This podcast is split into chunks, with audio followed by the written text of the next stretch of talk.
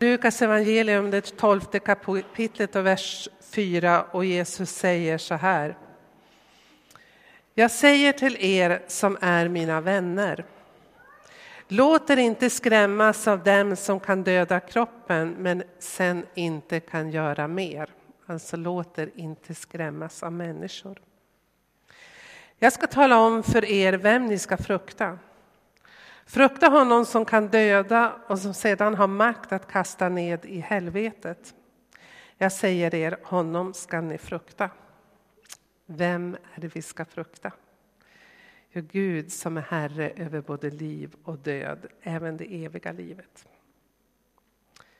Sen kommer orden. Säljs inte fem sparvar för fem kopparslantar. Men ingen av dem är glömd av Gud.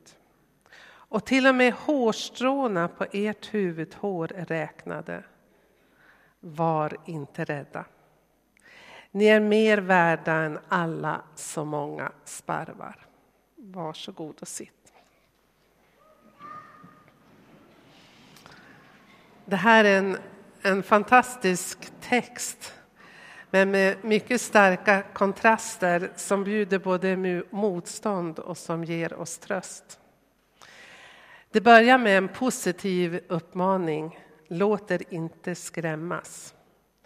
De här orden kan också översättas med uppmaningen Var inte rädd, som folkbibeln gör, eller som det stod i 1917 års bibelöversättning på svenska, Frukta inte.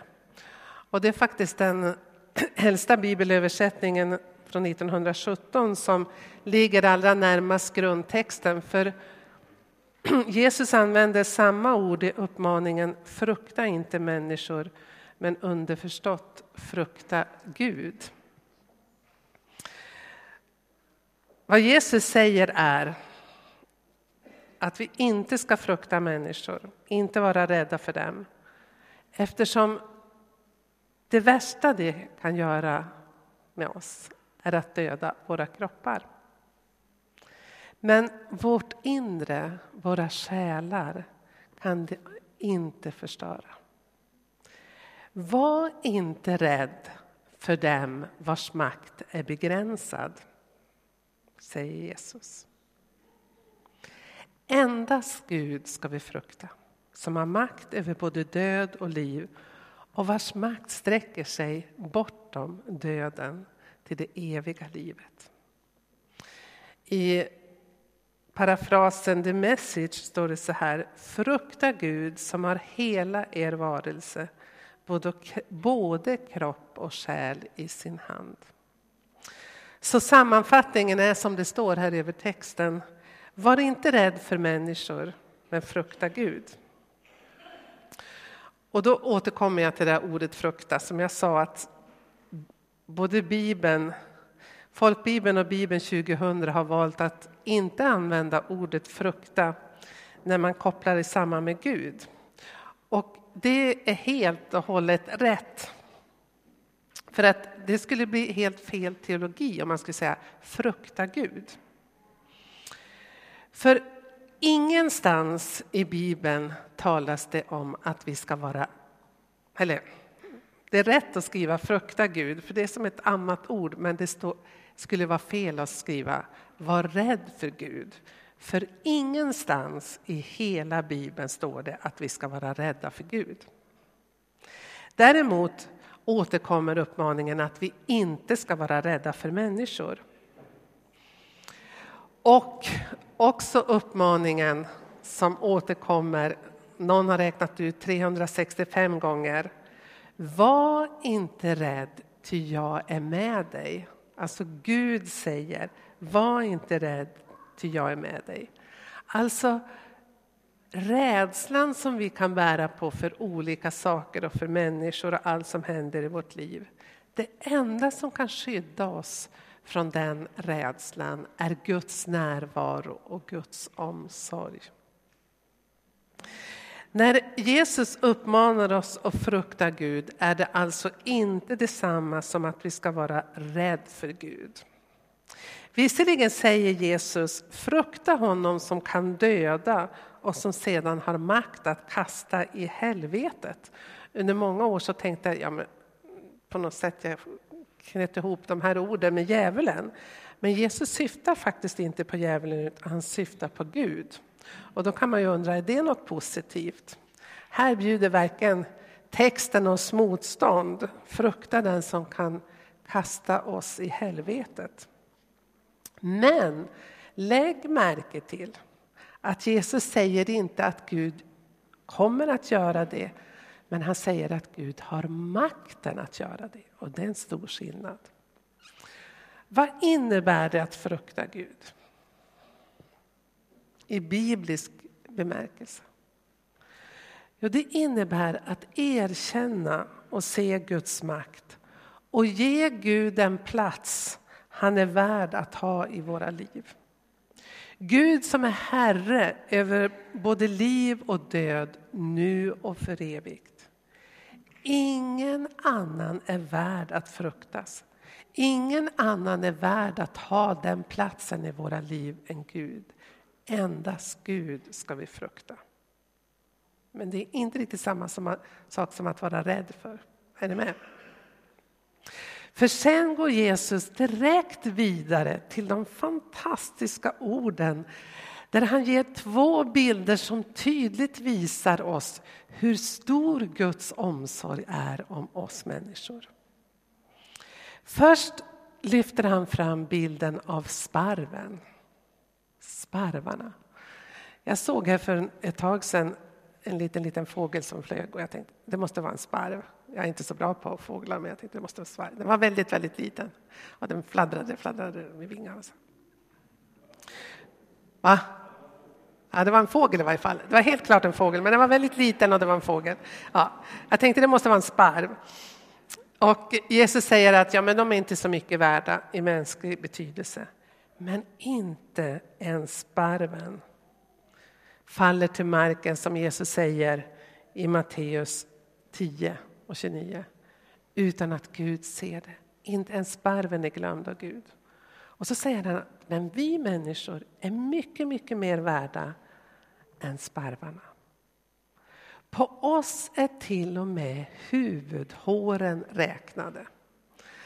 Och när jag tänkte på den här bilden att Gud talar om att våra huvudhår är räknade. Jag vet inte hur många, om du vet hur många huvudhår du har. Min frissa säger att jag har ganska tjockt hår med väldigt många hårstrån. Och det kanske gäller ganska många av oss, en del har lite färre, men i varje fall. Det, det är ju en helt otrolig bild, har ni tänkt på den? Att Gud har sån kunskap om oss och sån omsorg om oss. Så till och med varje litet huvudstrå på vårt huvud har han räknat och vet hur många de är. Visst är tanken svindlande? Och detta säger Jesus i samma andetag som han säger att vi ska frukta Gud. Alltså den som vi ska frukta, som har makt över liv och död är samma Gud som har så stor omsorg om oss så att han till och med har räknat våra huvudhår. Det måste vi ta in. Det finns en gospelsång, en älskad engelsk gospelsång som heter His eyes is on the sparrow and I know he's watching over me. Och texten lyder att varför ska jag känna mig bekymrad och ensam när jag tillhör Jesus? Hans ögon ser ju sparven och han, har också, han vakar också över mig. Och jag förstår att den här sången är väldigt älskad. Jag älskar den och många i, runt hela vår jord. Därför att det påminner oss om en Gud som till och med omsorg om sparven. Han har också omsorg om oss.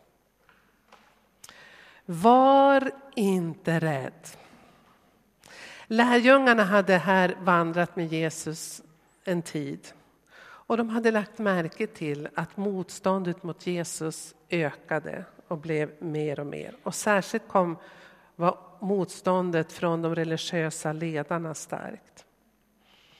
Och lärjungarna de var vana vid att man lyssnade till fariseerna och de skriftlärda. Det var ju de som kunde skriften och man skulle lyssna på dem och ha respekt för dem.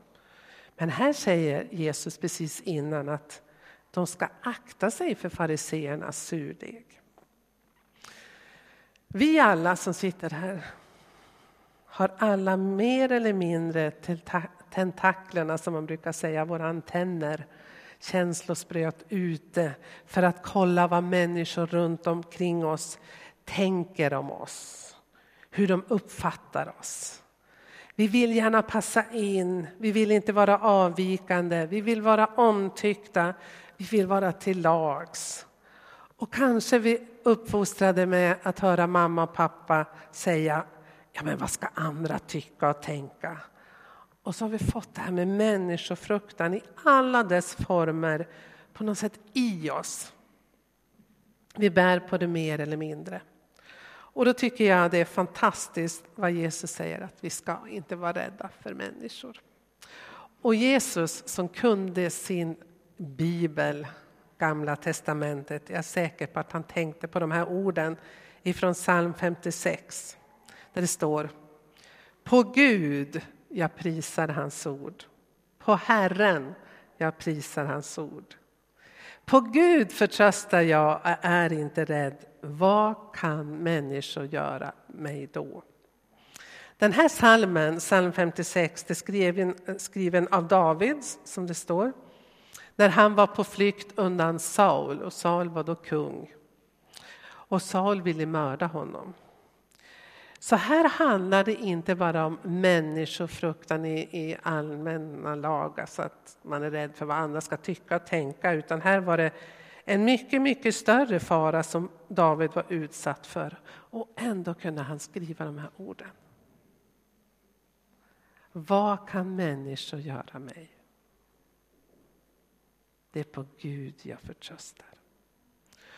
Och det är faktiskt så att förtröstan på Gud tillit till Gud är det enda som kan skydda oss från människofruktan eller rädslan för människor. Och då är min fråga till dig, eller till oss idag här. Vad är du rädd för? Vad är du rädd för?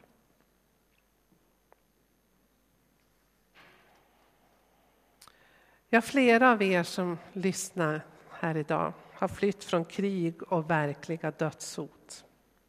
Och är orolig för nära anhöriga som fortfarande är kvar i krigets Syrien. Och vi andra som har vuxit upp i trygga Sverige, som vi känner det, vi kanske är rädda för sjukdomar, för lidande eller för kriget som på något sätt har kommit mycket närmare genom de flyktingströmmar som har kommit till vårt land och som hela tiden kommer och de bilder som vi ser på tv av människor som går genom Europa. Och rädslan för islam som är religion, alltså den extrema islamen, breder ut sig i vårt samhälle också. Vi lever i en orolig tid.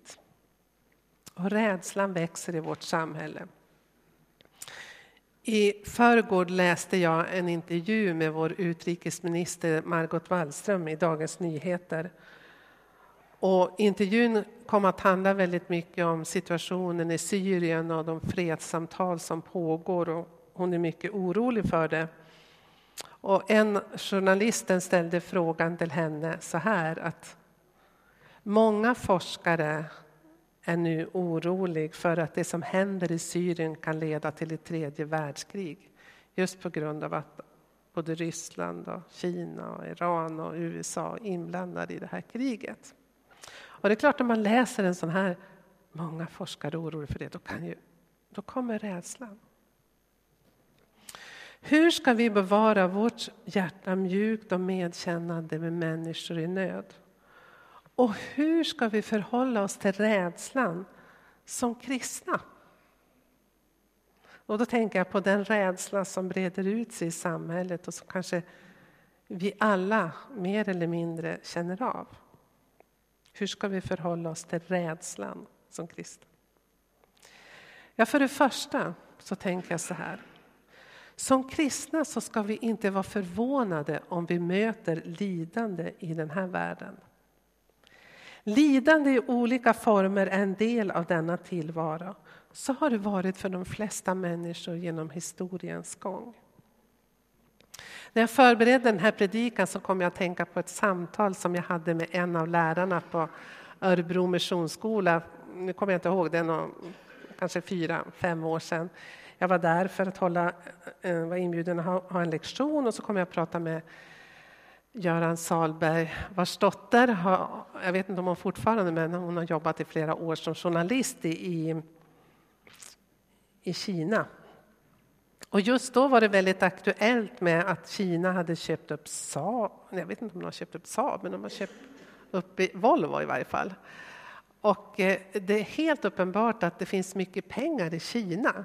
Men alltså, man kan också läsa samtidigt att USA har enormt stor statsskuld.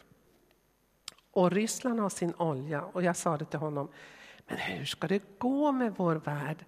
Här är det ju två diktaturer, Kina och Ryssland, som håller på att växa sig stark. Och, och hur, hur, hur, kommer det gå för oss? Liksom?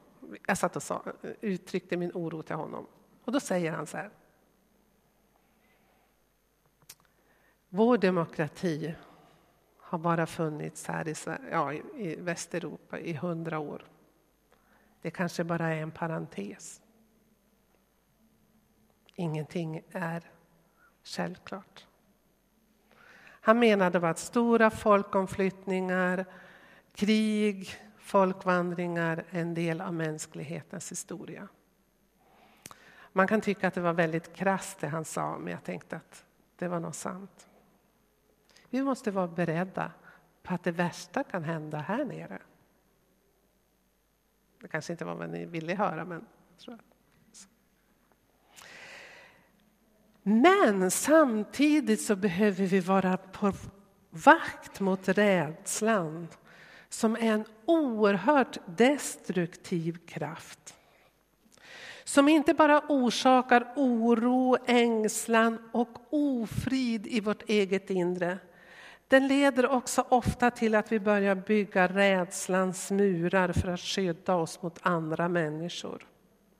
Och vårt fokus flyttar så lätt från förtröstan på Gud till det vi är rädda för.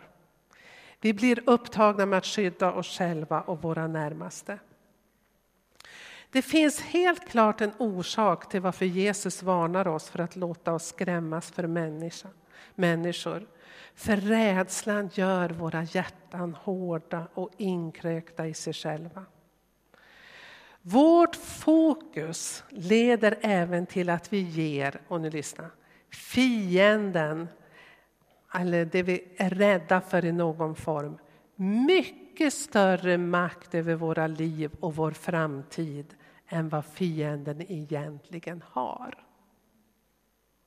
Är ni med? Alltså när vi börjar vara rädda så får det vi är rädda för mycket, mycket större makt över våra tankar och våra liv än vad det egentligen är värd att ha. Den enda vi ska frukta är Gud som är Herre över liv och död.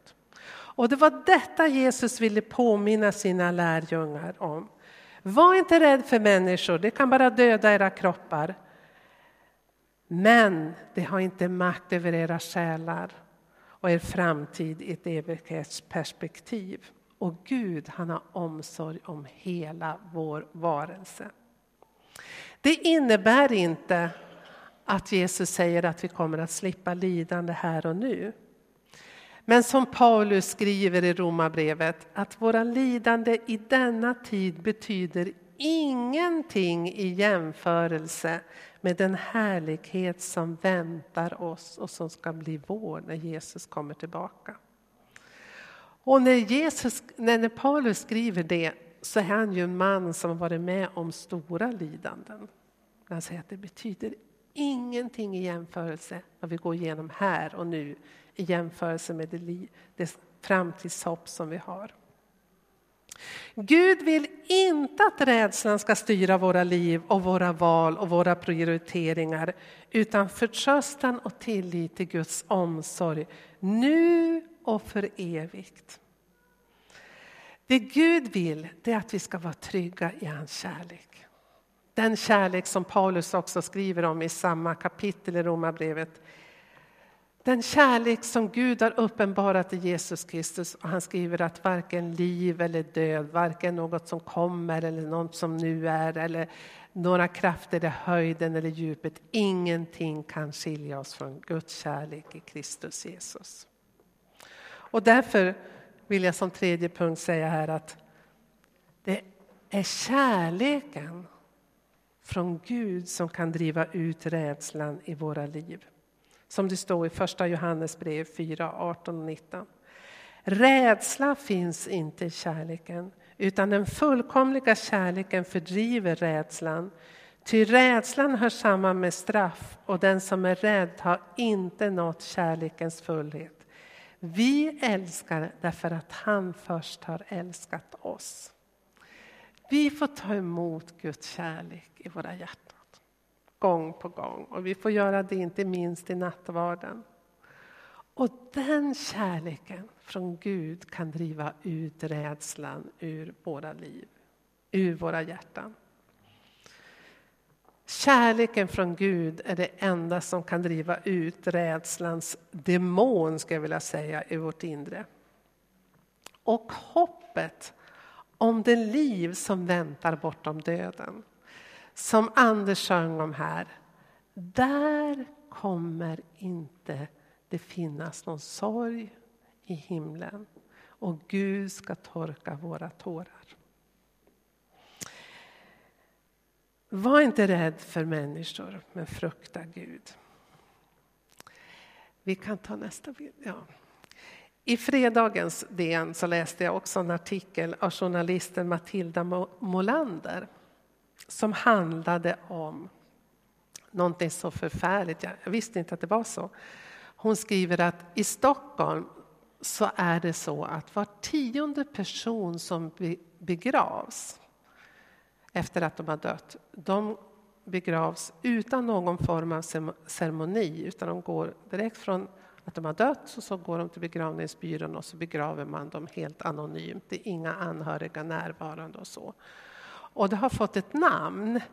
Man kallar det här sättet för direktare. Alltså de som begravs på det sättet, de är direktare. De går direkt från döden och sen är det i graven, eller kremeras troligtvis eftersom det är Stockholm. Och en av de begravningsentreprenörer som har tagit sig an den här uppgiften svarar så här och berättar att detta är en följd av, lyssna, kunderna, alltså de anhöriga som ringer, har inte tid att gå på begravning. Och då kan man ju ana att de troligtvis inte haft tid att gå och hälsa på de anhöriga. Och då är det väl troligtvis en faster eller en, ja, en moster eller kan ju även vara en förälder. Men så skriver Matilda så här, och det var det jag fastnade för. Direktaren, är ni nu med vem direktaren är? Som begravs direkt. Är bra för den som av någon anledning inte vill ha en begravning. Men den är också en, ett kusligt symptom på ett samhälle som i sin kamp med att hinna i sin kamp med att hinna glömt vad som väntar vid målet. Och så skriver hon de här orden. Döden är trots allt den bakgrund mot vilken vi lägger vårt livspussel. Och just den här meningen tänkte jag. Den skulle kunna vara skriven av en kyrkofader fast ordet livspussel var inte uppfunnet på 1500-talet. Men jag tänkte på Johannes av Korset som levde på 1500-talet, en av kyrkans stora som det talas om att han avslutade varje konversation när han gick upp. Så hade, gick ur rummet så sa han, och för övrigt så ska vi alla dö. Jag vet inte om ni skulle tycka att det var så trevligt om jag avslutade varje konversation på det sättet, men, men han gjorde det. Döden är trots allt en livspussel mot vilk, nej, den bakgrund mot vilken vi lägger vårt livspussel. Det är ett bibliskt perspektiv. I ett kristet perspektiv borde, borde döden och vårt evighetshopp ge ett perspektiv som hjälper oss att prioritera rätt i livspusslet. Och det borde, eller det kan få vara det som ger oss tröst och hopp så att vi kan hantera våra rädslor och lidande i denna tillvaro. Ehm, det finns en, ehm, jag vet inte om han fortfarande lever, men när jag läste till teologi och, så fick vi läsa en, en, bok som heter Livet måste ha mening, när vi läste psykologi. Skriven av en, en psykolog och terapeut som heter Viktor Frankl. Jag vet inte om han fortfarande lever. Han har utvecklat en, en terapiform som heter logoterapin. Just det att, att hjälpa människor ur depression och, och svårigheter handlar om att hjälpa dem att hitta mening i tillvaron. Och den här terapin utvecklade han när han själv satt i koncentrationsläger under andra världskriget. Viktor Frankl var jude. Och han, kom, han insåg när han satt i koncentrationsläger två väldigt viktiga saker, som jag vill säga här. Alltså här. Vilka var det som kunde överleva?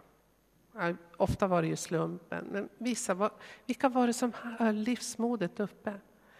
Jo, det var de som såg en mening med det som skulle hända sen, som hade ett mål med det som skulle hända när de kom ut. De trodde att de skulle bli fria. De tänkte då när jag kommer ut då ska jag skriva en bok, då ska jag liksom doktorera, då ska jag ta hand om mina barn eller vad det var. Och de höll fast vid det. Det andra var, han säger, som jag kommer ihåg i boken, säger att de kunde göra vad som helst med våra kroppar.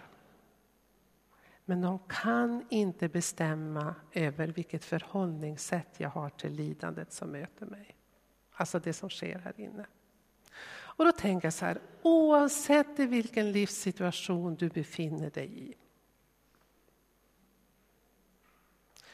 så kan du bestämma dig att livet har en mening just nu, hur tufft och jobbigt den är, på grund av det som väntar där bortom döden.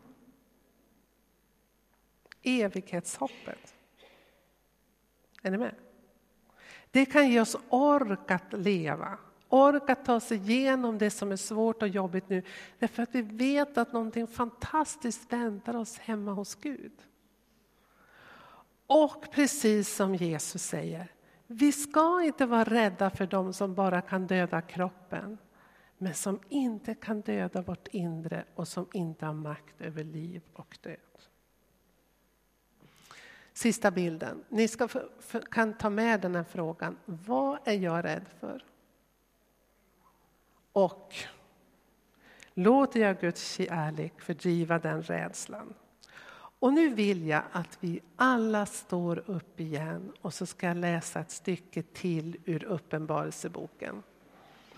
Som handlar om framtidshoppet. Och den kommer, texten kommer inte upp på väggen. Så att jag vill att ni ska bara lyssna. Det här är fantastiskt. Helt, det här är framtiden. Från Uppenbarelseboken 7 och vers 9. Sedan såg jag och se en stor skara som ingen kunde räkna. Av alla folk och stammar, länder och språk. Det stod inför tronen och lammet klädda i vita kläder med palmkvistar i sina händer. Och det ropade med hög röst. Frälsningen finns hos vår Gud som sitter på tronen och hos Lammet. Alla änglarna stod kring tronen och kring de äldste och de fyra varelserna och de föll ner på sina ansikten inför tronen och tillbad Gud och sa Amen. Lovsången, härligheten, visheten, tacksägelsen, äran och makten och kraften tillhör vår Gud i evigheters evighet. Amen. Och en av de äldste sade till mig. Dessa som är klädda i de vita kläderna, vilka är det och varifrån kommer det? Jag svarade, du vet, Herre. Han sade till mig, det är det som kommer ur det stora lidandet. De har tvättat sina kläder rena och gjort dem vita i Lammets blod. Därför står de inför Guds tron och tjänar honom dag och natt i hans tempel. Och han som sitter på tronen ska slå upp sitt tält över dem. De ska inte längre hungra, inte längre törsta. Varken solen eller någon annan hetta ska träffa dem. Ty lammet som står mitt för tronen skall vara deras herde och leda dem fram till livets vattenkällor och Gud skall torka alla tårar från deras ögon. Amen. Varsågod och sitt.